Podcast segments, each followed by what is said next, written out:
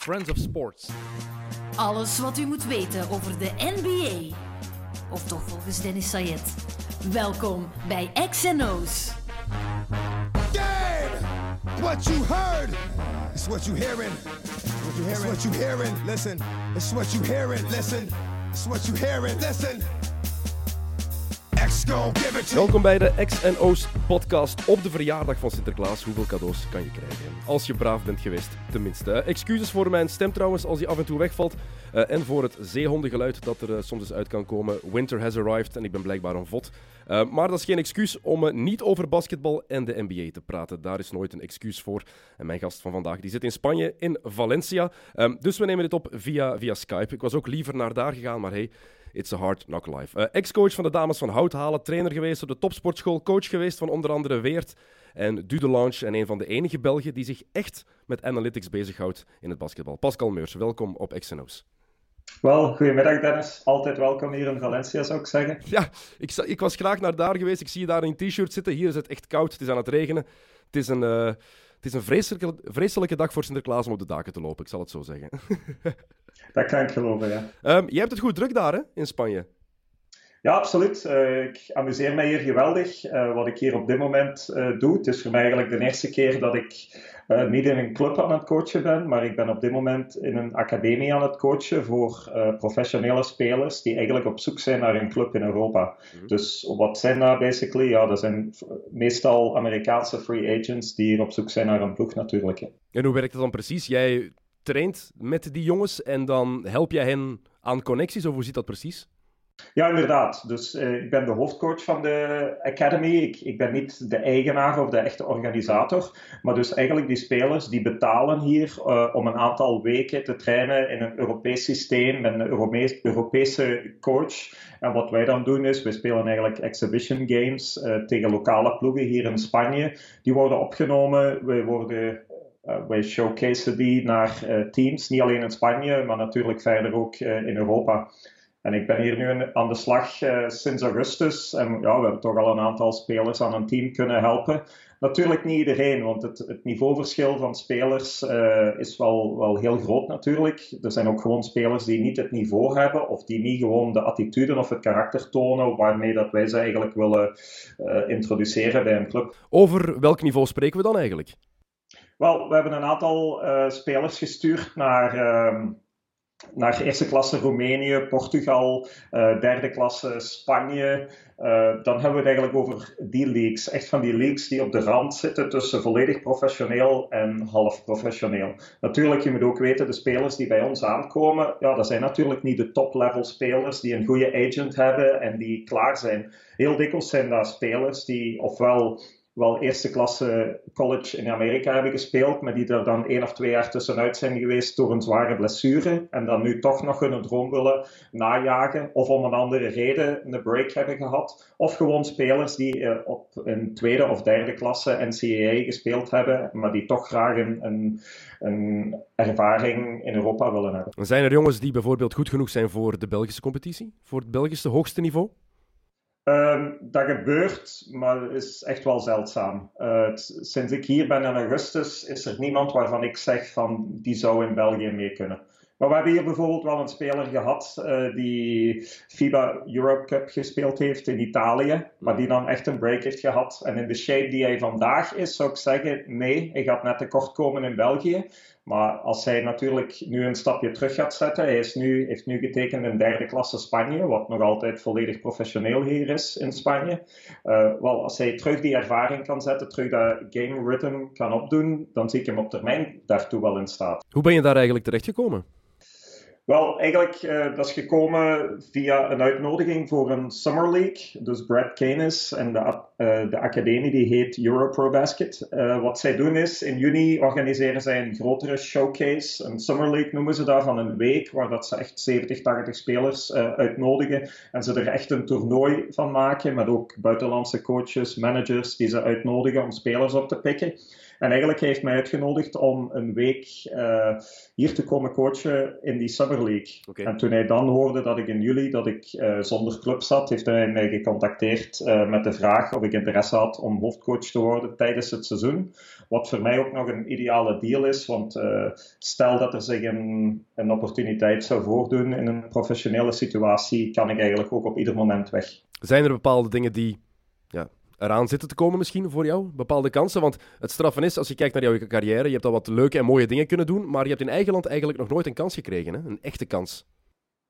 Nee, inderdaad. Ehm, dat is natuurlijk wel iets wat mij in de toekomst uh, wel interesseert. Ehm, op korte of op lange termijn. Uh, en moet het dan meteen als headcoach zijn? Wil je dan meteen als headcoach beginnen? Uh, niet per se, maar dat is natuurlijk wel uiteindelijk mijn doel. Um, maar natuurlijk, de Belgische league is, is uh, een mooie league. Uh, en ik hoop ook wel dat ze, dat ze kan doorgroeien. En dat we niet uh, in de omgekeerde richting uitgaan. Want als je kijkt, er zijn heel wat buitenlandse coaches die wel wat kansen krijgen in onze competitie. Maar de jonge Belgische coaches die krijgen misschien te weinig mogelijkheden. Kijk naar bijvoorbeeld Stefan Sappenbergs. Eén keer een kans gekregen bij Leuven en meteen daarna was het ook voorbij voor hem. Wel, Dennis, ik ben blij dat jij het aanhaalt. Dan hoef ik het natuurlijk zelf niet te doen. Uh, daar zit een, een, waarheid in. En uh, op die manier zit ik eigenlijk wel in een, een vrij slechte situatie. Want natuurlijk, uh, dat gevoel wat jij nu beschrijft, uh, Stefan Sappenberg is daar één voorbeeld van. Er zijn nog wel een, een aantal voorbeelden van te geven.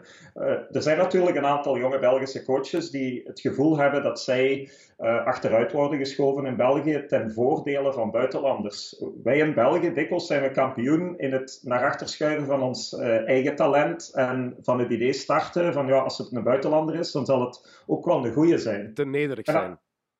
Inderdaad, inderdaad. En als we dan de grens oversteken, ja, dan merk ik net het, net het tegenovergestelde. In andere landen krijgen de lokale coaches, worden zij eigenlijk bevooroordeeld. En ik kan er niks op tegen hebben, want ik, ik uh, kan me daar wel achter stellen. Maar om u een simpel voorbeeld te geven, als een eerste klasser in Spanje mij zou willen aannemen als een assistentcoach, ja, dan kost mijn licentie voor de club alleen al kost 5000 euro als ik in eerste klasse Litouwen een ploeg zou, nemen, dan moet die club 12.000 euro storten aan de federatie, wat in een jeugdfonds gaat. Met als enige doel natuurlijk om de lokale coaches een voordeel te geven en te beschermen. En Frankrijk is net hetzelfde. Maar natuurlijk, als je dan terugkeert naar mij, ja, dan zit ik wel in een heel vreemde situatie natuurlijk, uh, waar ik voorlopig in eigen land geen kansen krijg. En wanneer ik de grens oversteek, uh, dat de lokale coaches wel vooruit worden geschoven. Hoe is dat financieel in België? Moet je daar dan ook zoveel betalen voor een buitenlandse coach, of is daar helemaal geen bedrag voor? Zover ik weet is daar helemaal geen bedrag. Dan is het toch straf dat er zo weinig Belgische coaches echt die kansen krijgen, of dat daar dat die meer mogelijkheden krijgen. Stappenbergs, ik vind dat een heel mooi voorbeeld, gewoon omdat hij één mogelijkheid heeft gehad bij Leuven. Heeft daar een heel interessante speelstijl laten zien, heel modern run-and-gun basketbal, wat hij ook bij Gembo bijvoorbeeld had laten zien. Maar dan lukt dat niet genoeg, zijn de resultaten er niet, wordt die ontslagen. Voor mij nog altijd om een onbegrijpelijke reden, want Leuven was gewoon slecht dat jaar. Maakt niet uit welke. Zelfs Greg Popovich had die ploeg geen drie keer kunnen laten winnen. Dus dan vliegt Stappenbergs buiten en dan krijgt hij van geen enkele ploeg meer een kans. Ja, klopt. Ik, ik moet hetzelfde vaststellen. Um, komt daar natuurlijk ook bij, als zo'n profiel uh, wel een kans krijgt in België, ja, dan merk je natuurlijk ook wel dat dat met minder, uh, minder vertrouwen is uh, dan sommige buitenlanders krijgen. Ik, ik zie in België, ik zie buitenlanders, buitenlandse headcoaches in eerste klasse, ik zie die twaalf keer op rij verliezen en zij behouden het vertrouwen ja. van het bestuur. Terwijl als Belgische coach een eigen competitie, na drie nederlagen, moet je al rond beginnen kijken en moet je al uh, voorzichtig beginnen zijn, want dan kan je job op het spel staan. Het is uh, geen, gemakkelijke, geen gemakkelijke job. Uh, hoe kijk jij naar de toekomst van de Euromillions Basketball League van het hoogste niveau? Want er zijn heel wat vraagtekens rond. Natuurlijk, komt er een Beneliga of komt die er niet? Er is de toekomst van Luik die uiterst onzeker is. wat daar allemaal gaat gebeuren. hoe ziet het er voor jou uit?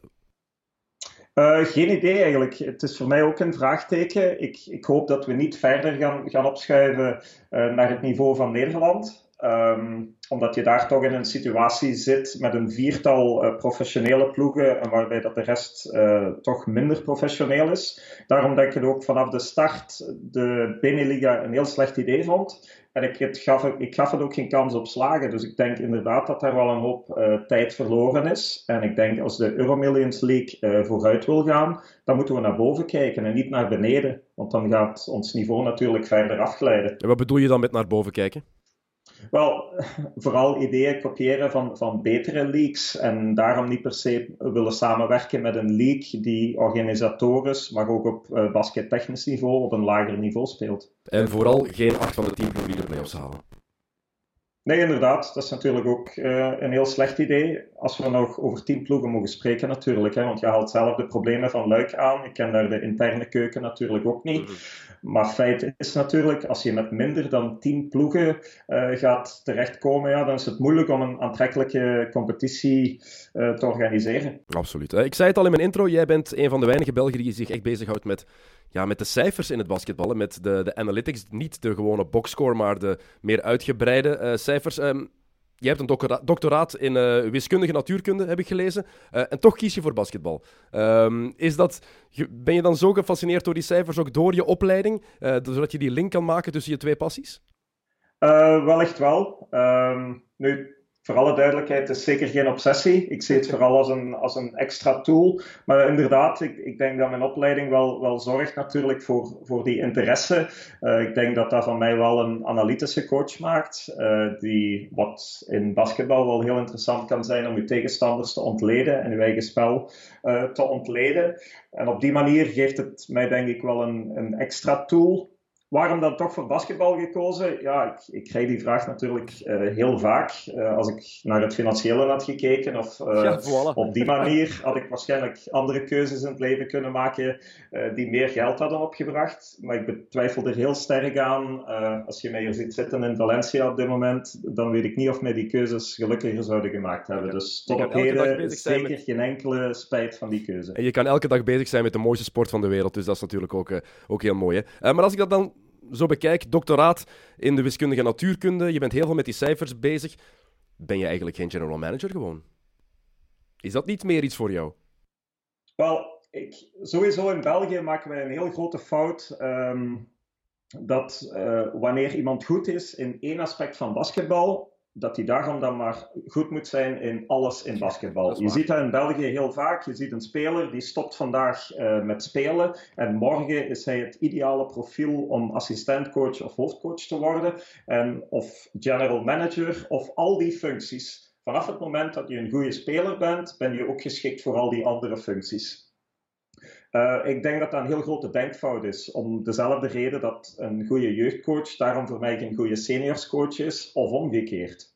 Nu, om terug te komen op uw vraag, uh, ben ik eerder een, general manager? Wel, niet per se. Als je de vergelijking gaat maken met de NBA, dan denk ik dat tegenwoordig dat heel vaak eigenlijk de coachingstaff clasht uh, met de front office.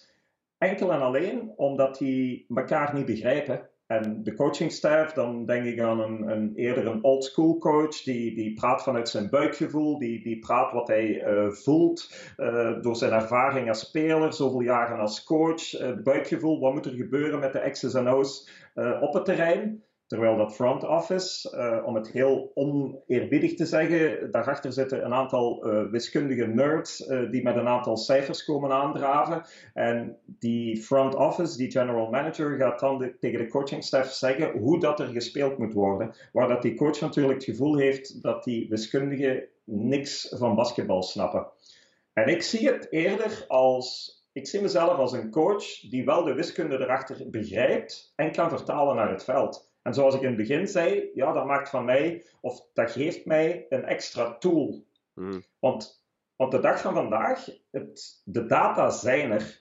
Ook in de NBA. Het gaat er niet meer om om die data aan te leveren, om die te berekenen. Iedereen want die zijn er gewoon. Die worden door firma's gemaakt. Uh, ieder, iedere organisatie heeft een aantal mensen in dienst uh, om die cijfers uh, aan te leren aan te leveren. Maar het gaat er natuurlijk om, wat doe je met uh, die cijfers? En bijvoorbeeld afgelopen zomer, ik was op een uh, clinic uh, van Mike D'Antoni in Las Vegas. En, en wat hij daar bijvoorbeeld vertelde, wat ik heel interessant vond, is De Houston Rockets die hebben één persoon die volledig deel uitmaakt van de staf, die op iedere stafmeeting aanwezig is, die elke verplaatsing met die staf maakt en die zijn enige rol is de cijfers interpreteren. Dus alle cijfers, alle data die hij krijgt van de front office, hij vertaalt die eigenlijk naar de head coach en naar, naar uh, de assistant coaches. En dat is zijn enige rol. Maar dan haal je wel een voorbeeld aan met de Houston Rockets.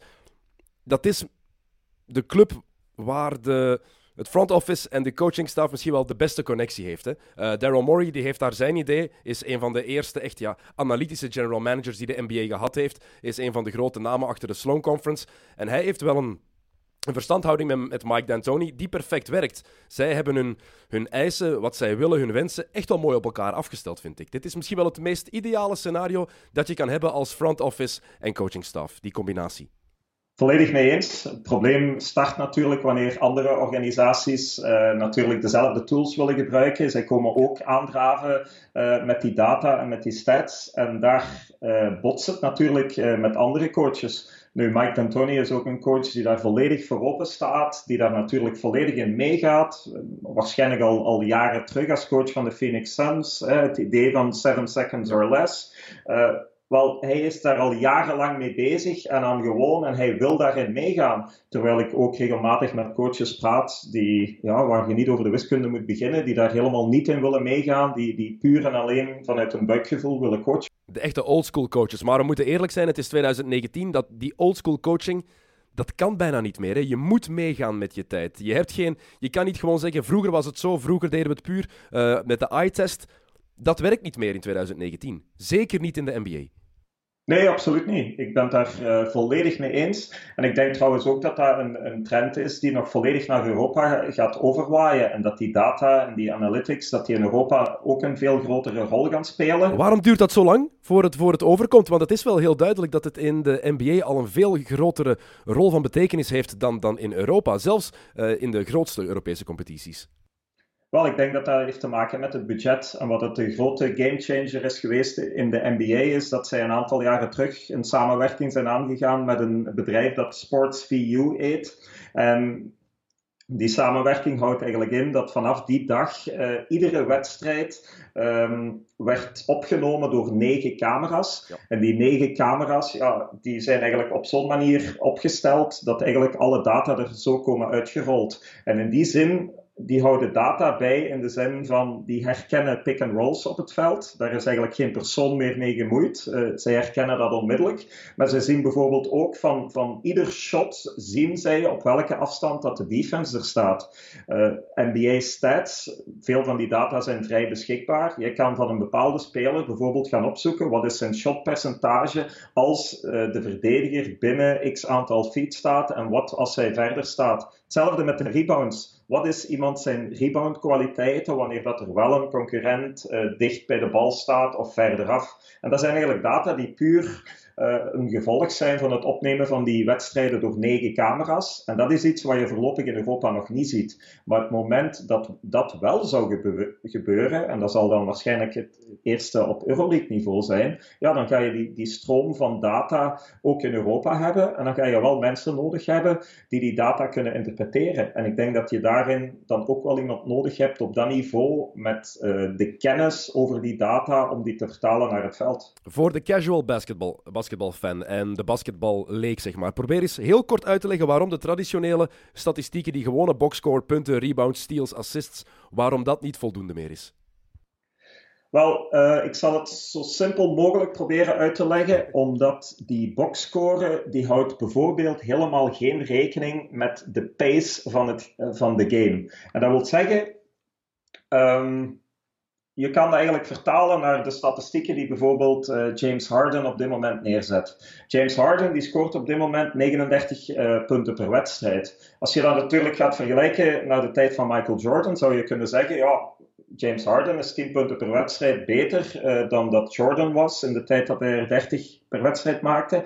Wel, dat is niet echt een eerlijke vergelijking natuurlijk, want nu scoren ze 130, 140 uh, punten per wedstrijd, terwijl de tijd Chicago scoorde 80 of 90 punten uh, per wedstrijd. Daarover is iedereen het eens. Hetzelfde gaat natuurlijk met, met de pace uh, van het spel. Als je een team hebt dat gemiddeld genomen altijd meer en meer balbezitten gaat hebben per wedstrijd, wel, die gaan gewoon van alles meer hebben. Die gaan zelf meer punten scoren. Die gaan zelf meer punten tegenkrijgen. Die gaan gemiddeld genomen meer assists hebben, meer driepuntpogingen, meer steals. Alles gaat beter zijn.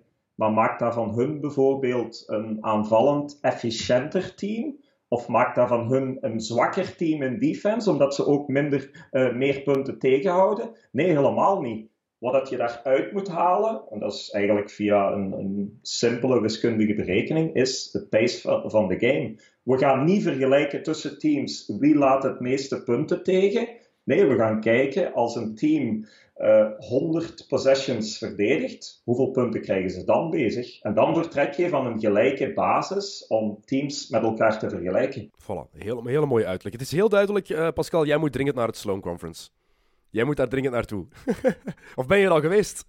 Het is eigenlijk iets wat al een aantal jaren op mijn verlanglijstje staat. Het is ieder jaar het eerste weekend van maart of, of eind februari. Het is natuurlijk een twee, drie dagen conferentie uh, in Boston, die natuurlijk gestart is door Daryl Morey, maar die echt uitgegroeid is tot een van de hotspots uh, van mensen die met uh, sports analytics bezig zijn. Ik zou er graag ooit naartoe gaan. Ja, het is echt de, de hotspot voor de, de basketbal-nerds, eigenlijk, om het zo te zeggen. Ja, en nu begin ik mij af te vragen of het een compliment was dat je mij daar absoluut naartoe wou. Nee, absoluut. Ik wil er zelf ook graag naartoe, dus dat zegt genoeg. Hè. En kijk naar Daryl Morey. Het is een geweldige general manager. Um, heeft voor de strafste trade in de geschiedenis van de NBA gezorgd. Al komt dat ook door de domheid van OKC uh, en Sam Presti um, in die zomer van 2012. Maar als je dat hoort, hoe dat is, als je de verhalen hoort van Daryl Morey, van Zach Lowe, van Bill Simmons dan wil ik wel eens kijken hoe ver ze al in de toekomst kijken. Want dat is wat ze ook doen in de Sloan Conference. Ze kijken niet naar wat hebben we gedaan, ze kijken naar wat gaan we nog doen en hoe gaat het spelletje nog veranderen en hoe gaat dit nog aangepast worden. En dat maakt het voor mij nog interessanter om de NBA te volgen. Ja, en ik zou er heel graag eens naartoe gaan. Ze trekken het natuurlijk ook breder open. Het gaat niet meer enkel en alleen over basketbal. Natuurlijk al die sporten op heel korte tijd. En dat, gaat, dat is dan voor een groot stuk eigenlijk sinds het boek uh, Moneyball over baseball. Zijn natuurlijk in alle sporten is dat op, op een gegeven moment natuurlijk geweldig aan het boomen. En ik denk dat er natuurlijk veel inspiratie te vinden is in de andere sporten. Het is niet zo dat iedere sport op zijn eigen het warm water opnieuw moet uitvinden. dat is waar. Um... We gaan het even meer hebben over de NBA, maar ik wil graag ook die, die vergelijking een beetje maken met het Europese basketbal. Want jij zit daar volop in. Uh, je zit in Spanje, je kijkt basketbal op het allerhoogste niveau in Europa. Um, als jij het niveau moet vergelijken tussen de NBA en de, de Euroleague, hoe zie jij dat dan? Wel, ik, ik ben natuurlijk geweldig bevooroordeeld. Hè. Ik, ik ga daar vanaf de start zeggen. Uh, ik ben een geweldige fan uh, van, van Euroleague. Uh, ik, ik ben er zot van dat, dat nu die Europese spelers in de NBA dat het, die zo goed doen. Um, dat is fantastisch. Hè? Als je dat bekijkt, hoe geweldig dat, dat is, dat die, die internationale invloed alleen maar groter is geworden. Ja, absoluut. Het is geweldig. zoals vorig jaar, een, een, aantal, of de meeste van die awards zelfs, die naar internationale spelers gaan. Uh, ik vind het om, om uh, duimen, duimen en vingers af te leggen. Um, ook als je naar, naar de World Cup kijkt, uh, je gaat natuurlijk onmiddellijk antwoorden van ja, maar Team USA heeft niet zijn beste ploeg gestuurd. Nee hoor, ze hadden, ze hadden, mijn, mijn argument is daar heel simpel voor, Pascal. Het was de enige ploeg met 12 NBA-spelers. En ze zijn zevende geworden. Ja, absoluut, absoluut. En ik vind het ergens wel een beetje geweldig. En laat ze maar een beetje gepikeerd zijn. En laat ze naar de Olympische Spelen maar hun beste ploeg sturen. En ik ben heel benieuwd hoe dat, dat gaat aflopen. Natuurlijk, als ze wel zouden winnen, ja, uh, dan is het perfect verdiend natuurlijk. Uh, en iedereen gaat daar ook maar vanuit. Maar als ik hun was, ik zou toch niet te lang op hun lauweren blijven rusten in het idee van, oh ja, zolang dat we ons beste ploeg sturen, uh, spelen we iedereen van het terrein. Ik denk dat die tijd wel een beetje gepasseerd is. Oké, Euroleague NBA, eh, de vergelijking. Hoe, hoe zie je dat precies? Je zei het al, je bent bevooroordeeld omdat je zo graag naar de Euroleague kijkt. En ik snap dat ook wel wat je daarmee bedoelt hoor. Het meer internationale spelletje. Het spelletje waarbij het gaat om de bal het werk te laten doen en niet de speler. Uh, om het even kort te zeggen, want in de NBA, bij bepaalde ploegen, niet bij allemaal. Um, we hebben het daar straks over Houston gehad. Wel, bij Houston bijvoorbeeld gaat het over één speler die 500.000 keer door zijn benen dribbelt en dan een stepback driepunter pakt, bijvoorbeeld. Um, hoe dicht komt de Euroleague bij het niveau van de NBA voor jou? Wel, ik, ik denk heel dicht. En er is natuurlijk uh, waarschijnlijk één heel groot verschil. En dat is nog altijd de fysicaliteit, uh, die in de NBA vele malen groter is. Maar over de NBA wordt dan altijd gezegd, ja, maar dat, dat is zo'n lang seizoen en dat, dat zijn zoveel wedstrijden. Wel, dat vind ik eigenlijk geen argument. Misschien zelfs een tegendeel. Als je nu naar de Spaanse ploegen gaat kijken die ook in de Euroleague gaan spelen, zoals Valencia er dit jaar eentje van is, wel, zij komen ook aan 80, 90 wedstrijden op een seizoen. Dat is identiek evenveel. En dan wil ik daarbij nog het verschil maken in de NBA. Laat ons eerlijk zijn, tot kerstmis ja, is het eigenlijk gewoon een beetje freewheelen. Ja, ze, ze spelen natuurlijk wel tot kerst, hè?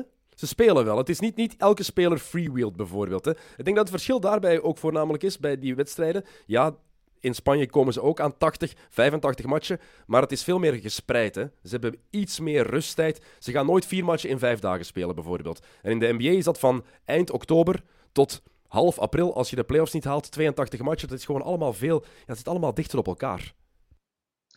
Ja, klopt. Uh, toch even bij aanhalen. Laatst had Valencia hier ook vier wedstrijden op zeven dagen. Uh, ik denk dat dat vrij dicht in de buurt komt van een NBA-schema. En wat wel een verschil is, hier is er wel druk van half september tot uh, voor de ploegen die de Spaanse finale spelen, is dat zelfs nog uh, één of twee weken na het einde van de NBA-finales. Want als je hier in Spanje gaat kijken, ja, ik, ik ben half september ben ik naar uh, Madrid geweest om naar de, de Supercoppa te gaan kijken. Wel, daar werd half september, de finale van de Supercoppa was Madrid tegen Barcelona natuurlijk, de Classico. Wel, dat is op het scherpst van de snee en daar zitten 15.000 supporters en er is geen enkele supporter die daar voor iets minder wil gaan dan, dan gewoon de andere ploeg niet alleen winnen, maar ook afmaken op alle mogelijke ja, nu manieren. haal je de supporters ook en, aan Ja, absoluut. Zeker als je die beelden gaat kijken. Bijvoorbeeld uh, vanavond in Griekenland uh, staat de klassieker op het, uh, op het programma tussen Panathinaikos en Olympiakos. Ja, natuurlijk geweldig om te zien hoe dat, hoe dat het basketbal daar leeft. En, en week na week ja, is, is het heel leuk om die wedstrijden eigenlijk, eigenlijk te volgen in de Euroleague. En zo heeft ieder Europees land toch een beetje zijn eigen tradities waarop dat de tegenpartij ontvangen wordt. Maar ik vond dat ontzettend interessant om te volgen.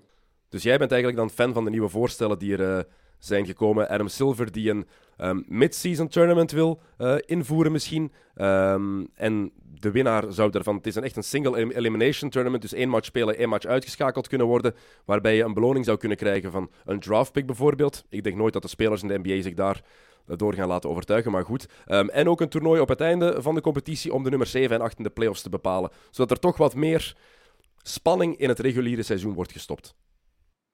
Ja, ik kan me daar ergens wel in vinden, of ik op zijn minst uh, ik begrijp uh, waar dat de nood vandaan komt. Nu, ik zit hier op dit moment in Spanje. Ik vind het idee van een Copa del Rey vind ik wel, wel heel interessant.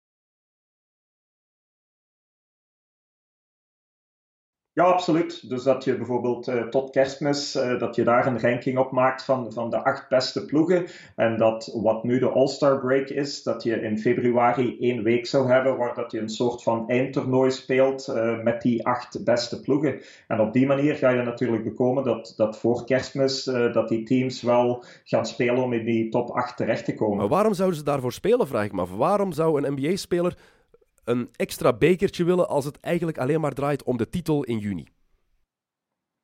Ja, je moet daar dan natuurlijk genoeg uh, gewicht aan kunnen geven. Dat is waarschijnlijk ook de reden waarom dat Adam Silver uh, begint over een draftpick. Hè, want uh, de spelers zijn natuurlijk enkel en alleen geïnteresseerd in die beker. Als je naar de club-eigenaars gaat kijken en naar het front office, zij zijn vooral geïnteresseerd natuurlijk in de draftpicks. Dat, dat is waarom dat zoveel teams in de NBA eigenlijk proberen om te verliezen natuurlijk. Om het heel cru te stellen. het is zo, het is zo, het is zo.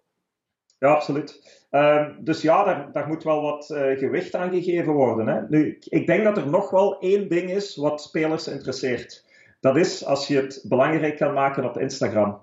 Want je kan er nu mee lachen, maar uh, het is ook wel een van de dingen dat mij een beetje stoort. Dat is eigenlijk de Instagram-cultuur. In die zin dat spelers zijn zo gefocust op social media, dat is niet normaal meer. En dat gaat zelfs zo ver dat spelers er bewust mee wachten om de buzzerbeater na het signaal te shotten, omdat het hun stats zou beïnvloeden. Maar dat was ook al voor sociale media. Dat was vroeger ook al zo. Het was ook voor Instagram deden ze dat ook al. Om het hun stats niet te laten beïnvloeden. Dus ik denk dat dat geen verschil is. Maar het is, ja, het is ook de maatschappij natuurlijk. Hè. De jongere generatie, um, die is nog meer met social media bezig dan, dan onze generatie. En dat wordt gewoon belangrijker. Ik denk dat het losstaat van NBA-spelers, maar gewoon dat dat ja, de mannen zijn die 18, 19, 20, 21, 22 jaar zijn. Die groeien daar nog meer mee op dan wij hebben gedaan. Hè? Ja, inderdaad. Maar ik, ik hoor dan uit, van mensen uit de NBA dat, dat spelers letterlijk onder halftime ja, dat die Instagram en, en social media al aan het checken zijn. En ik denk dat dat wel een verkeerd beeld geeft. En Waarom pak je je gsm zelfs vast tijdens de rust? Ja, inderdaad. Ik bedoel, in iedere Europese competitie, ik, ik nodig u uit om het bij een of andere Oost-Europese coach om in de kleedkamer tijdens de rust uw gsm boven te halen. Ik denk dat je dat geen twee keer doet. Um, maar dat gaat natuurlijk heel ver. En ik denk dat je het zelfs nog verder kan doortrekken. Als je gaat kijken naar die dunks van Giannis, uh, Antetokounmpo, af en toe heb ik het gevoel dat sommige spelers op het einde, als zij richting paint komt, ja, dat ze zelfs niet meer de moeite gaan doen om nog te gaan verdedigen. Puur en alleen omdat ze schrik hebben om op een of andere poster, om het op die manier te zeggen, uh, terecht te komen op social media. Tuurlijk, tuurlijk. Je wil niet op die poster staan waarin een gast over je, over je, op je kop dunkt. Dat zijn, dat is, maar dat is ook niets nieuws, denk ik. Vroeger had je natuurlijk meer die er wel voor gingen. Die Kemba Mutombo, Sean Bradley, om er nog maar één te noemen. Uh, de, de, eeuwen, de boomlange Sean Bradley die zoveel dunks op zijn hoofd heeft gekregen. Maar ja, dat is een, uh, een verstandige beslissing dan maar zeker, om je, je niet te hard te laten vernederen. Want jij, als je onder Janis gaat staan, ben je toch gezien.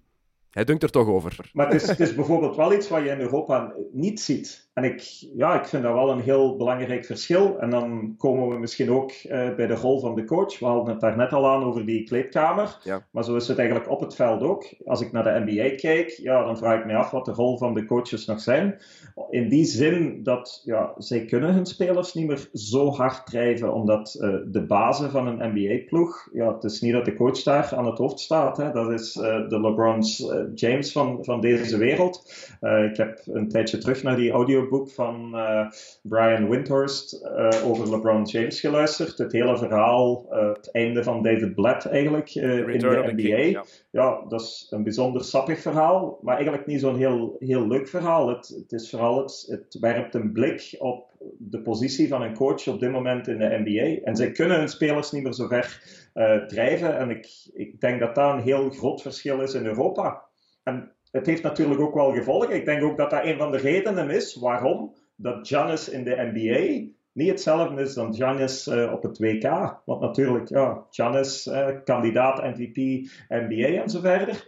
Uh, en dan op het WK heeft hij geweldig teleurgesteld. Enerzijds door de iets andere speelregels natuurlijk.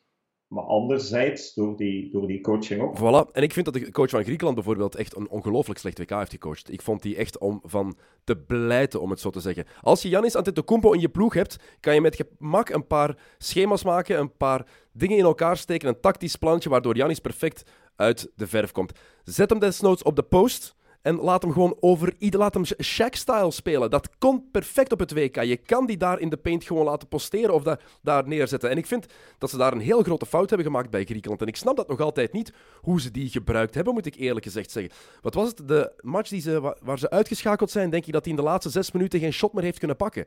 Als je coach bent en je ziet dat, je best, dat de beste speler van de NBA, dus bijna van de wereld, dat die geen bal krijgt van zijn ploegmaat, pak een time-out en zeg mannetjes, er loopt een gast van 2 meter, 2 meter 16 die iedereen kapot kan maken.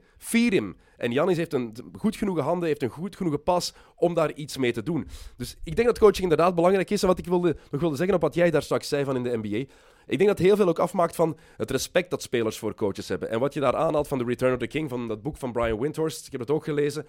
LeBron had geen respect voor David Blatt. En dat is heel fout van LeBron zelf, dat hij die zelfs geen kans gegeven heeft. Van wie is die gast die in Europa, in Israël dingen heeft laten zien. Um, maar je hebt ook jongens die automatisch respect krijgen en die wel een cultuur kunnen neerzetten. En ik denk dat dat heel belangrijk is.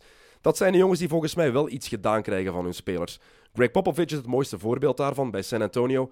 Mike Budenholzer heeft dat ook bij Atlanta en nu gedaan en nu bij Milwaukee. Brad Stevens bij Boston. Kyrie Irving, daar is het niet mee gelukt, maar Kyrie Irving is een ramp op dat vlak. Dus ik denk dat dat heel belangrijk is. Maar er zijn nog wel een paar uitzonderingen die zo'n cultuur kunnen neerzetten, denk ik. Ja, inderdaad, maar het is natuurlijk wel de omgekeerde wereld. Ja. En als je nu over Popovic spreekt, ja, Popovic heeft wel dat respect afgedwongen, waarschijnlijk 17 jaar geleden al. Uh, op die manier, um, als David Blatt zijnde, uh, van Europa komende, pas de Euroleague gewonnen, als, als dat geen argumenten zijn om met respect voor de coach te starten aan het seizoen, ja, dan wordt het natuurlijk heel moeilijk in de NBA om om een nieuwe coach binnen te brengen. Maar het is toch duidelijk dat er, al, dat er nog altijd twijfels bestaan over het niveau in de Euroleague. Kijk maar naar de draft day van 2018. Luka Doncic als derde gedraft en dan wordt hij nog getrade naar Dallas.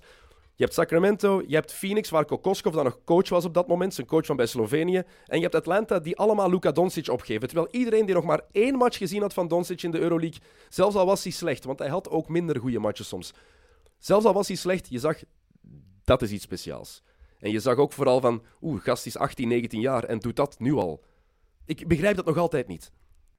Ja, absoluut. Uh, het geeft me natuurlijk ook wel, wel een aantal uh, binnenpretjes, want het is natuurlijk het bewijs dat de, Euro, dat de Euroleague uh, wel geapprecieerd moet worden. En ik, ik, kwam bijvoorbeeld begin deze week kwam ik een artikel nog tegen in de tijd van, van Charles Barkley van een paar jaar geleden, toen hij eigenlijk zei over het aankomend talent van Doncic, van ja, ik geloof er niet in en ik vertrouw buitenlandse competities niet en zo verder. Ja, die maakt zich daarmee natuurlijk hopeloos belachelijk. Iedereen die in Europa rondliep, die zag dat talent. En ik, ik snap het tot op de dag van vandaag nog altijd niet hoe dat je kan onderschatten dat uh, zo'n jonge spelers die uh, enkele keren per week de beste volwassen spelers uit Europa, de beste Amerikanen die voor grote contracten spelen, onder druk hoe dat je die gaat vergelijken met college basketbal, waar dat uh, spelers eigenlijk spelen uh, tegen tieners of, of uh, twintigjarigen op een seizoen van vier maanden tijd. Ik, ik vind dat onwaarschijnlijk. Zeker als je kijkt naar het college basketbal op dit moment. Dat is ook niet meer het college basket van begin jaren 90, toen de Fab Five bijvoorbeeld fantastisch was en toen Duke fenomenaal was. Dat soort teams heb je bijna niet meer, omdat je nu die one-and-done cultuur hebt.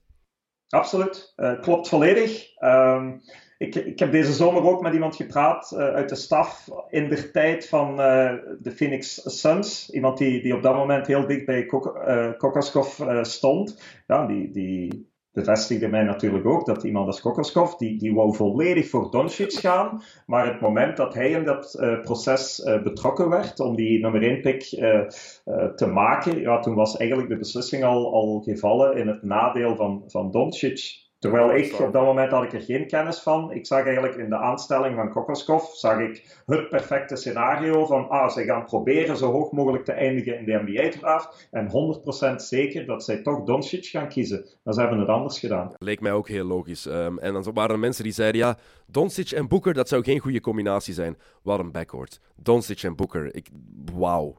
Verdedigend gaat het op niks trekken, hè, de eerste jaren. Maar offensief, wat een geweldig backcourt heb je dan. Um, Nochtans zie je wel, we hadden het over ja, hoe de NBA-spelers NBA en de Amerikanen kijken naar de Euroleague. Je ziet nogthans meer en meer ex-NBA-spelers naar daar trekken. Als je kijkt, een lijstje van de mannen die dit jaar naar daar zijn gegaan. Um, Shelvin Mack is naar Milaan gegaan. Costa Koufos is naar, uh, naar Moskou. Jerebko en Mosgov zijn naar Kimki. Nick Stauskas is naar Basconia. Wesley Johnson en Jimmer Fredette, Panathinaikos. Oké, okay, Jimmer Fredette telt niet echt, maar toch is ooit gedraft in de NBA. Eh, Omri Caspi is terug naar Europa. Nikola Mirotic bij Barcelona. Greg Monroe bij Bayern München. Dat zegt toch ook wel iets? Ja, absoluut. Het wordt meer en meer uh, geapprecieerd, meer en meer gerespecteerd. Uh, ik vind het natuurlijk heel leuk om te zien, want ik, uh, iedere week wandel ik hier naar een Euroleague-wedstrijd en zie ik wel een, een ex-NBA-speler op het terrein. Heel leuk om te zien natuurlijk, maar ik, ik denk dat het heel veel zegt over het aanzien van de NBA wereldwijd. Hoe bedoel je? Ja, in, in, die zin, die spelers die zouden er vroeger uh, nooit aan denken om op dat moment al terug te komen naar Europa. En, en je ziet bijvoorbeeld ook dat die spelers, het zijn niet enkel en alleen spelers die uit de boot vallen in de NBA. Want zo was het vroeger. Als je nu kijkt naar Mirotic, ik, ik ken de, de exacte uh, onderhandelingen en voorstellen niet, maar ik, ik ben daar 100% zeker van dat Mirotic zeker wel een, een, een, leuke toekomst ook zou hebben in de NBA. En toch kiest hij er heel bewust voor van nee, ik ga in Europa spelen. En zelfs daarbovenop komt nog, ik denk dat er een aantal spelers zijn die gemakkelijk in, ja, gemakkelijk, die, die zeer vlot in de NBA zouden kunnen meespelen of daar zelfs een verschil maken, maar die er gewoon bewust voor kiezen om keizer te blijven in Europa. Ik denk dan aan een Sergio Yui, ik denk aan een uh, Campazzo. Uh, zo zijn er nog wel spelers. Gewoon, uh, Carlos Navarro is daar misschien het mooiste voorbeeld van. Hè? Even naar Memphis gekomen in de NBA. En dan beslist om toch maar terug naar Spanje te gaan, naar Barcelona, waar hij de koning was, waar hij ook meer kon verdienen trouwens. Niet onbelangrijk. ik vind dat van Mirotic eigenlijk het mooiste voorbeeld, inderdaad. Want Een grote gast met een meer dan degelijk shot. Het is niet zo'n fantastische shotter als heel veel mensen denken, maar had wel die dreiging van achter de driepuntlijn. Hele goede teamplayer. Dit is een gast die in heel wat teams een rol zou krijgen vandaag. En waar ze bijvoorbeeld bij de Lakers heel graag geld voor zouden betalen om die er nog bij te hebben, eh, bij te hebben lopen. Ik zeg maar één team. Of de Clippers. Gewoon omdat dat een, een big guy is met dreiging van achter de driepuntlijn. Dit is iemand die, die heel veel NBA-teams zouden kunnen en willen gebruiken nu.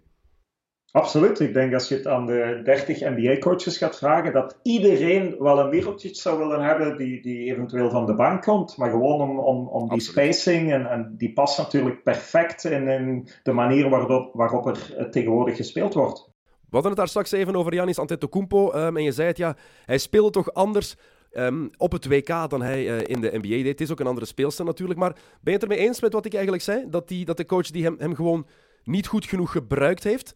Want als je zo'n freak of nature in je team hebt, als je zo'n speler hebt die zo'n impact kan hebben, dan moet je alles daar de grond laten draaien. Absoluut, uh, ik, ik, ben daar zeker mee eens. Nu, ik denk een, een bijkomende reden is natuurlijk dat, dat volgens de FIBA-regels dat er natuurlijk uh, anders verdedigd wordt. Tuurlijk. In die zin dat je bijvoorbeeld verdedigers in de paint kan laten staan. Uh, je hebt geen verdedigende 3 seconds. Dus dat speelt wel een rol. Maar natuurlijk, uw opmerking is volledig terecht. Ze hadden meer kunnen doen met Giannis. Maar het voorbeeld dat je nu aanhaalt, ik vind het wel een uitzondering in die zin dat als je nu eens naar de NBA gaat kijken, naar de 30 uh, eh, ploegen en naar de 30 coaching styles, ik vind wel dat je een duidelijk verschil ziet tussen de coaches die wel een Europese of een internationale ervaring hebben en de spelers die bij wijze van spreken enkel een NBA-carrière gehad hebben als speler en dan onmiddellijk uh, coach worden. En ik, ik, ga een voorbeeld geven. Ik, in dat eerste model denk ik bijvoorbeeld aan een Nick Nurse die in Engeland, die in België heeft gezeten, uh, nog wel een aantal landen. Um, ik denk aan een Sergio Scariolo, die nu zijn assistent is. Ik denk misschien aan Quinn Schneider, die bij Ceska Moskou heeft gezeten. Um, ik, ik vergeet er ongetwijfeld nog een paar. Terwijl dat tweede model, dat is bijvoorbeeld Kidd. Eh, stop met spelen, wordt onmiddellijk hoofdcoach. Uh, Steve Kerr, net hetzelfde. Denk aan een Luke Walton, dat type van, van coaches. Ik zie een groot verschil. En het mooiste voorbeeld daarvan zag je afgelopen jaar in de NBA Finals bij Toronto. Ja, wat daar een heel grote rol heeft gespeeld, is, is natuurlijk die box-and-one defense van Toronto, die, die ze in de finals gespeeld hebben. Ik denk ook zelfs al uh, in de halve finales. Dat is bijvoorbeeld iets wat ik een coach niet zie doen, die altijd in de NBA uh, geleefd heeft als speler of als coach. Die inventieve dingen, die out of the box denken, ik denk dat dat een heel groot verschil maakt. En daar hebben coaches met die internationale ervaring wel. Ik denk dan bijvoorbeeld ook aan een Brad Brown, die, die jarenlang in Australië heeft gezeten. En ik, ik vind dat wel heel, heel belangrijk. Ik denk als je vijf jaar terug uh, aan iemand of aan u of aan mij had gevraagd van ja, gaat ooit een ploeg NBA-kampioen worden door box-and-one defense te spelen? Ik denk dat we allebei eens heel graag zouden gekeken hebben. Laten we eerlijk zijn, als Clay Thompson, als Clay Thompson niet geblesseerd raakt in die finals en daarbij staat, zou die box-and-one niet gewerkt hebben. Hè? Moeten we ook eerlijk toegeven. Nee, nee, nee, nee, absoluut, absoluut. Maar dan ben ik er ook zeker van dat hij ze misschien niet geprobeerd zou hebben. Voilà, het is misschien dankzij die box-and-one dat hij wel in die finale is geraakt. En, en ik weet niet, als we nu allebei naar ons lijstje gaan kijken, ik weet niet of we finale hadden gezet op voorhand. Um, ik had Toronto in de finals gezet. Dat weet ik nog heel goed. Dus ik ben heel blij dat mijn pronostiek toen is, uh, toen is uitgekomen. Maar het is interessant ook als je kijkt naar, naar die coachingstijlen, die verschillen. Want je haalt daar Brad Brown bijvoorbeeld nog aan. Inderdaad in Australië gezeten. Maar ik vind dat geen goede coach. Tenminste, ik vind dat hij niet uit dit Philadelphia niet haalt wat hij eruit moet halen. De voorbije jaren ook niet. Als je kijkt hoe hij Ben Simmons bijvoorbeeld gebruikt. Altijd in die dunkerspot zetten. Als coach moet je daar meer uithalen, vind ik. Um, die kan inventiever zijn. Maar je hebt dan ook coaches zoals een Brad Stevens, bijvoorbeeld, die nooit in Europa heeft gezeten en die ook heel veel dingen probeert. Dus ik denk dat het ook te maken heeft met hoe open-minded je bent en hoe je je open staat voor verandering. En dat is bijvoorbeeld het succes geweest van Greg Popovich al die jaren. Hè. Het is een old, een, een old school coach die perfect met zijn tijd is meegegaan en die open staat voor verandering. Absoluut. Ik kan het niet meer met u eens zijn. Ik kan het ook niet beter verwoorden. Popovic is iemand die jarenlang al uh, internationaal gaat kijken naar de beste pionnen voor zijn organisatie. Niet enkel de spelers die hem recruteert, maar ook bijvoorbeeld in zijn coachingstaf, ook in zijn medische staf heeft hij echt uh, wereldwijde uh, topmensen in zijn team. En Brad Stevens, ik ben er 100% zeker van dat hij ook die open-mindedheid heeft Maar natuurlijk, de coaches die wereldwijd gecoacht hebben, die hebben dat van nature. Die, die, die hebben het sowieso al. Ik, ik vind het ook leuk dat je Brad Stevens aanhaalt, want misschien wordt het wel tijd dat iemand hem nog eens aanhaalt. Want ik vind dat eigenlijk een heel straf verhaal. Twee jaar geleden, toen, toen Boston het eigenlijk uh, onverwacht uh, zeer goed deed, hè, na zelfs uh, de grote blessures en zo verder, ja, toen sprak iedereen wereldwijd over Brad Stevens en dat was de nieuwe coach en dat was een basketbalwonder, dat was een genie en zo verder. Twaalf maanden later heeft niemand nog over Brad Stevens. En terwijl als je naar zijn trainingen gaat kijken, als je naar zijn timeouts gaat, gaat kijken, ik ben er 100% zeker van dat hij wel dezelfde dingen vertelde tijdens die timeouts, maar kwam er gewoon heel uh, veel minder goed uit op het terrein. En dat, dat toont een beetje de fragiliteit van, van, van het coachesbestaan. Je maakt eigenlijk op een beperkt aantal percentage maak je een heel grote invloed, maar soms gaat dat gewoon verloren in de noise, uh, in de ruis uh, van alle andere factoren. En soms heb je Kyrie Irving in je ploeg die dan blijkbaar alles gewoon kan verzieken. Dat is ook een heel belangrijke rol. En wat ook belangrijk is op dat vlak, als we kijken naar Brad Stevens bijvoorbeeld, vorig jaar nog altijd top 4 seed in uh, de Eastern Conference. Maar Danny Ainge en bij Boston zijn ze ook blijven geloven in Stevens. Je hebt nooit die twijfels daar echt gehoord. Wat bij een club als Sacramento bijvoorbeeld, ik haal zomaar iets aan, onmiddellijk zou gebeuren. En dat is iets helemaal anders. En dat is ook wat het mooi maakt. En dat is ook heel, daarom is het ook belangrijk dat die band tussen front office, wat we daar straks ook al zeiden, tussen front office en coaching staff, dat die goed genoeg is. Kijk naar Golden State. Wat is een van hun grootste wapens daar? General manager Bob Myers en headcoach Steve Kerr komen heel goed overeen, niet alleen op professioneel vlak, maar ook privé. En dat speelt een hele grote rol binnen de cultuur van een club. Absoluut. Uh, ik ben het daar helemaal mee eens. Dat typeert ook uh, de succesvolle organisaties, waarbij dat San Antonio waarschijnlijk nog eens uh, de voorloper is. En misschien een beetje raar, maar ik, ik, ik weet dat je het vorige week in uw podcast aan uw gast gevraagd hebt van ja, zou het in België, zou het in Europa ook gebeuren dat, dat zo'n jonge speler, dat alles daar rond ja. al wordt gedraaid, zou die dezelfde kansen krijgen? Wel, nee. En ik kan u heel simpel uitleggen waarom omdat in Europa, in België eerste klasse, de coaches die staan onder een veel grotere druk. Wat ik daar straks aanhaalde, als je als Belgische coach in je eigen Belgische competitie drie maal na elkaar uh, verliest, dan moet je voor je job vrezen. En dat is een heel goede reden waarom dat, dat coaches dat risico veel minder snel gaan nemen. Wat, wat natuurlijk verkeerd is, want ik, ik denk dat dat vertrouwen wel zou moeten gegeven worden. Maar dan moet die coach natuurlijk zelf ook wel het vertrouwen krijgen van zijn front office of van zijn manager, voorzitter. En daarom is er maar één club die dat consequent doet in onze competitie, en dat is Oostende.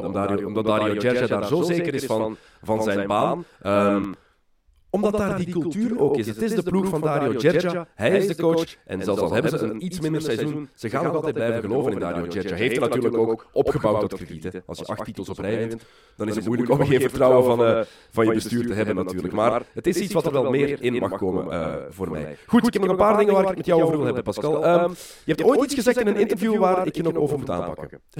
Je hebt iets gezegd over LeBron James. Ik ben zelf heel kritisch voor LeBron, want ik vind dat je heel kritisch moet zijn voor de allerbeste van de wereld. En LeBron James is voor mij de op één na beste speler aller tijden. Um, maar jij hebt ooit gezegd dat jij LeBron het slechtste voorbeeld voor jonge basketbalspelers vindt. Weet je dat nog? Uh, nee, eigenlijk niet. Um, uh, sowieso, ik, ik ga het helemaal niet verbergen. Ik, ik ben helemaal geen, geen fan van LeBron James. En ik, ik wil niets afdoen van zijn basketbalkwaliteiten. Uh -huh. um, als, als jij zegt, ik vind LeBron uh, de tweede beste speler aller tijden, ik heb eigenlijk geen argumenten om dat te ontkrachten. Zolang je niet zegt dat hij beter is dan Michael Jordan, ga ik daar niks tegen inbrengen en preach, verdient preach. LeBron die plaats. Absoluut. Zolang je niet zegt dat hij beter is dan, uh, dan, dan Michael, dat is heel belangrijk voor mij ook. maar waarom vind je hem geen goed voorbeeld voor jonge spelers? Wel, Um, dat komt eigenlijk uit mijn ervaring als coach, omdat ik uh, zie wat er op het terrein gebeurt uh, met jonge spelers die te vaak naar LeBron James uh, kijken. In die zin dat zij te egoïstisch spelen, dat zij de bal stoppen en dat zij 1 tegen 5 gaan spelen. En voor mij kan dat onmogelijk werken in Europees basketbal, omdat in Europees basketbal, zoals we het daar straks aanhaalden, de regels in defense zijn anders De NBA is de laatste jaren zo fel uh, geëvolueerd uh, naar een league waar dat de individuele speler en waar dat de supersterren bevoordeeld worden. Bevoordeeld worden hè, zoals uh, de defensieve drie seconden, de handchecking wat is weggevallen, al die dingen. Ja, die maakt dat de defense in Europa anders is. En die spelers die hier 1 tegen 5 gaan spelen, en om het heel cru en waarschijnlijk ook verkeerd voor te stellen, LeBron James uh, in zijn slechtste dagen is voor mij de speler die 15 seconden aan halfcourt, aan de midlane gaat dribbelen om daarna 1 tegen 5 naar de ring te gaan. Dat is James, Wel, in de NBA is, dat 1 tegen 1. Dat is James Harden wat je nu eigenlijk zegt. Ik vind dat LeBron dat niet zo in zijn spel heeft, want het is net altijd een speler geweest die naar zijn ploegmaats kijkt, vind ik, die net zijn ploegmaats ook wil beter maken.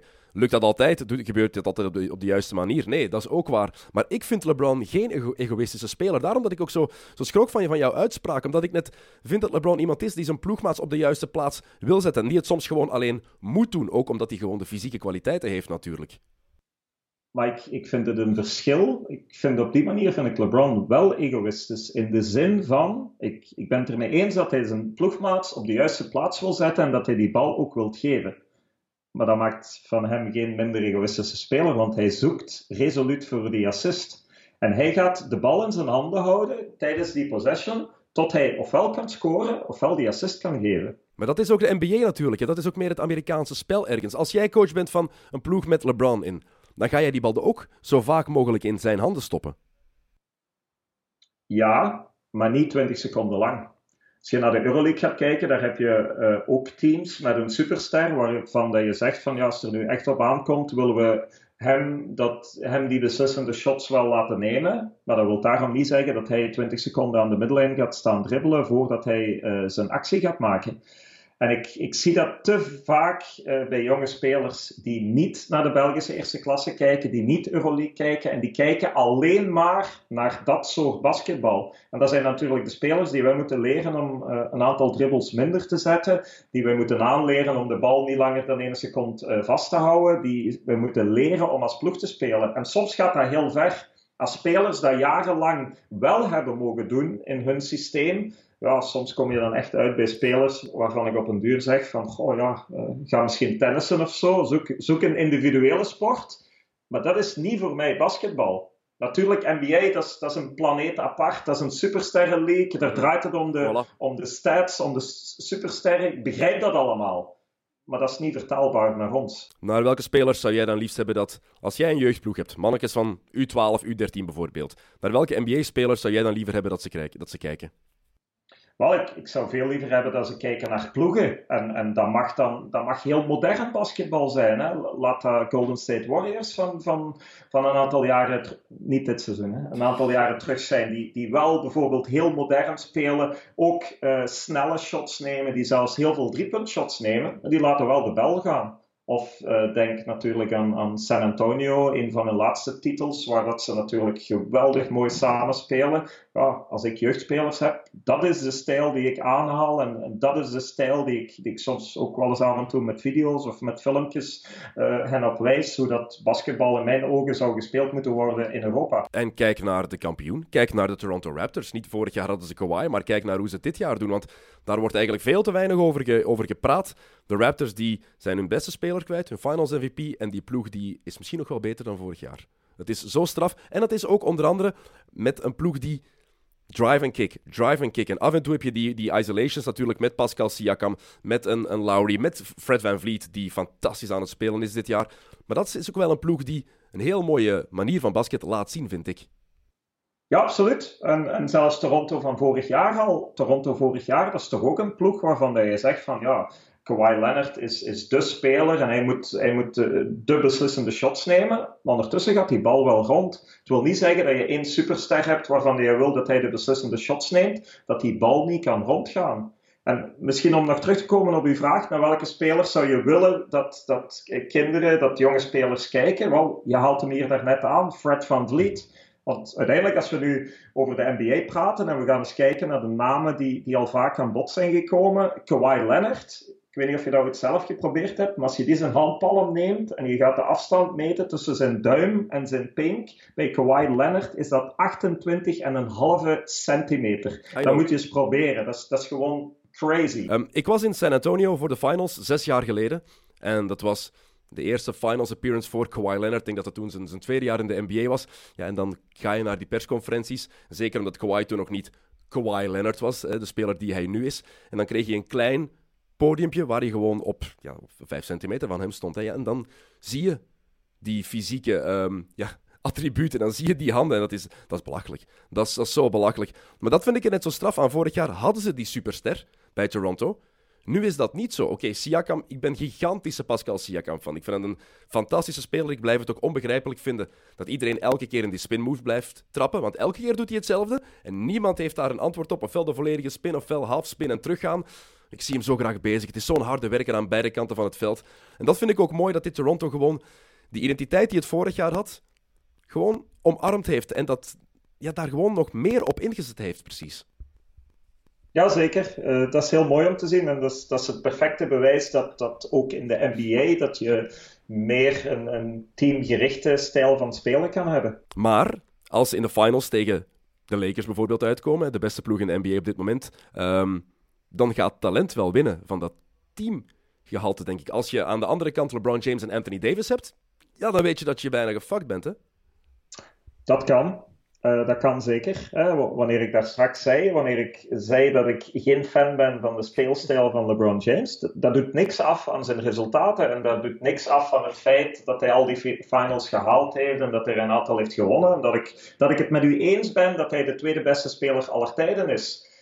Maar ik hou er niet van. Dat snap ik. En ook, en ook vooral, als je die fysieke kwaliteiten niet hebt, ja, probeer het dan alsjeblieft niet. Als je niet de wingspan hebt van, van Giannis, ja, dan moet je niet spelen als uh, Giannis. Als je niet uh, met de lengte van Porzingis, als je niet dezelfde mobiliteit, shooting touch hebt, probeer het dan niet. En om dan op uw vraag te antwoorden, naar welke spelers kan je kijken? Wel, Fred van Vliet, voor mij het perfecte voorbeeld. Als ik op dit moment jong zou zijn en ik zou op een pleintje gaan basketballen, wel, ja, vroeger in onze tijd tennis, wij deden dat nog natuurlijk. Uh, wel, ik zou inbeelden dat ik Fred van Vliet ben. Waarom? Omdat dat is zo herkenbaar. Iedereen kan Fred zijn. Fred is een meter 82 groot. Ja, dat is perfect, daar herken ik mij in. Toen ik vroeger op een pleintje aan het, aan het basketten was, ik beelde in dat ik John Paxson was, dat ik B.G. Armstrong was, Mark Price, Jeff Hornacek, al de...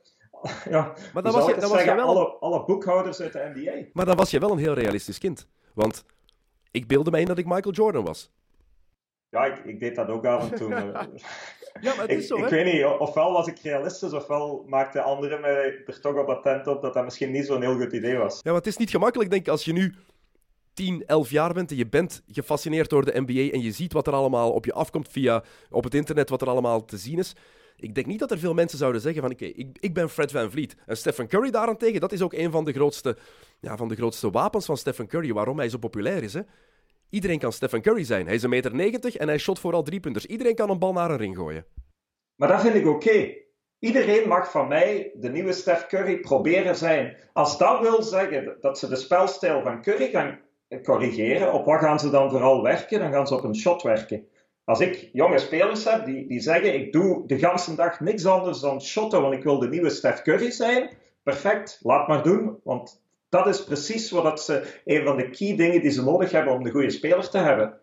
Als ze dan een andere speler tegen mij zegt van ja, ik, ik dribbel vooral, want, want ik wil kunnen dribbelen aan de middellijn zoals LeBron James doet, om je nog een beetje meer uit je kot uh, te lokken. Ja, daar heb ik wel een probleem mee, want uh, ja, dat wordt een 1 tegen 5 speler. Dat ik de LeBron, LeBron James verdediger ging moeten worden, wie had het ooit durven zeggen? Oké, okay, Pascal, ik ga je laten, want jij hebt nog een, een drukke dag. Wat moet je nog doen vandaag? Wel, ik heb uh, deze namiddag uh, heb ik nog een training hè, met onze Amerikanen. Maar vlak daarna start er eigenlijk hier in Valencia een heel interessant uh, event. Dat heet de Mini Copa Endesa. En wat wil dat zeggen? Hier reizen de best 16 onder 14 ploegen. Die reizen dit weekend naar Valencia. Die gaan een driedaags toernooi spelen. Geweldige marketing er rond. alle livestreams. geweldig event. En dat is ook iets, een van de dingen waar ik heel veel naar uitkijk klinkt heel goed. Eh, geniet ervan, amuseer je. Bedankt dat je tijd voor ons wilde maken, eh, Pascal. En ik bedank jullie ook voor het luisteren. Niet vergeten dat er ook nog heel wat voetbalpodcasts zijn op Friends of Sports. Dinsdag is er altijd mid-mid. En er is eh, gisteren ook een nieuwe Damagis online gezet. Onze voetbal nostalgie podcast. Voilà, dat was het voor vandaag. Tot de volgende keer.